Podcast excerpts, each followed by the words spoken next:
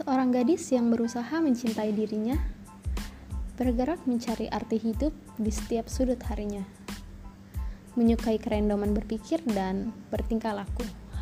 Mari berkenalan, aku Putri Haryani yang akan berbincang tentang hari ini.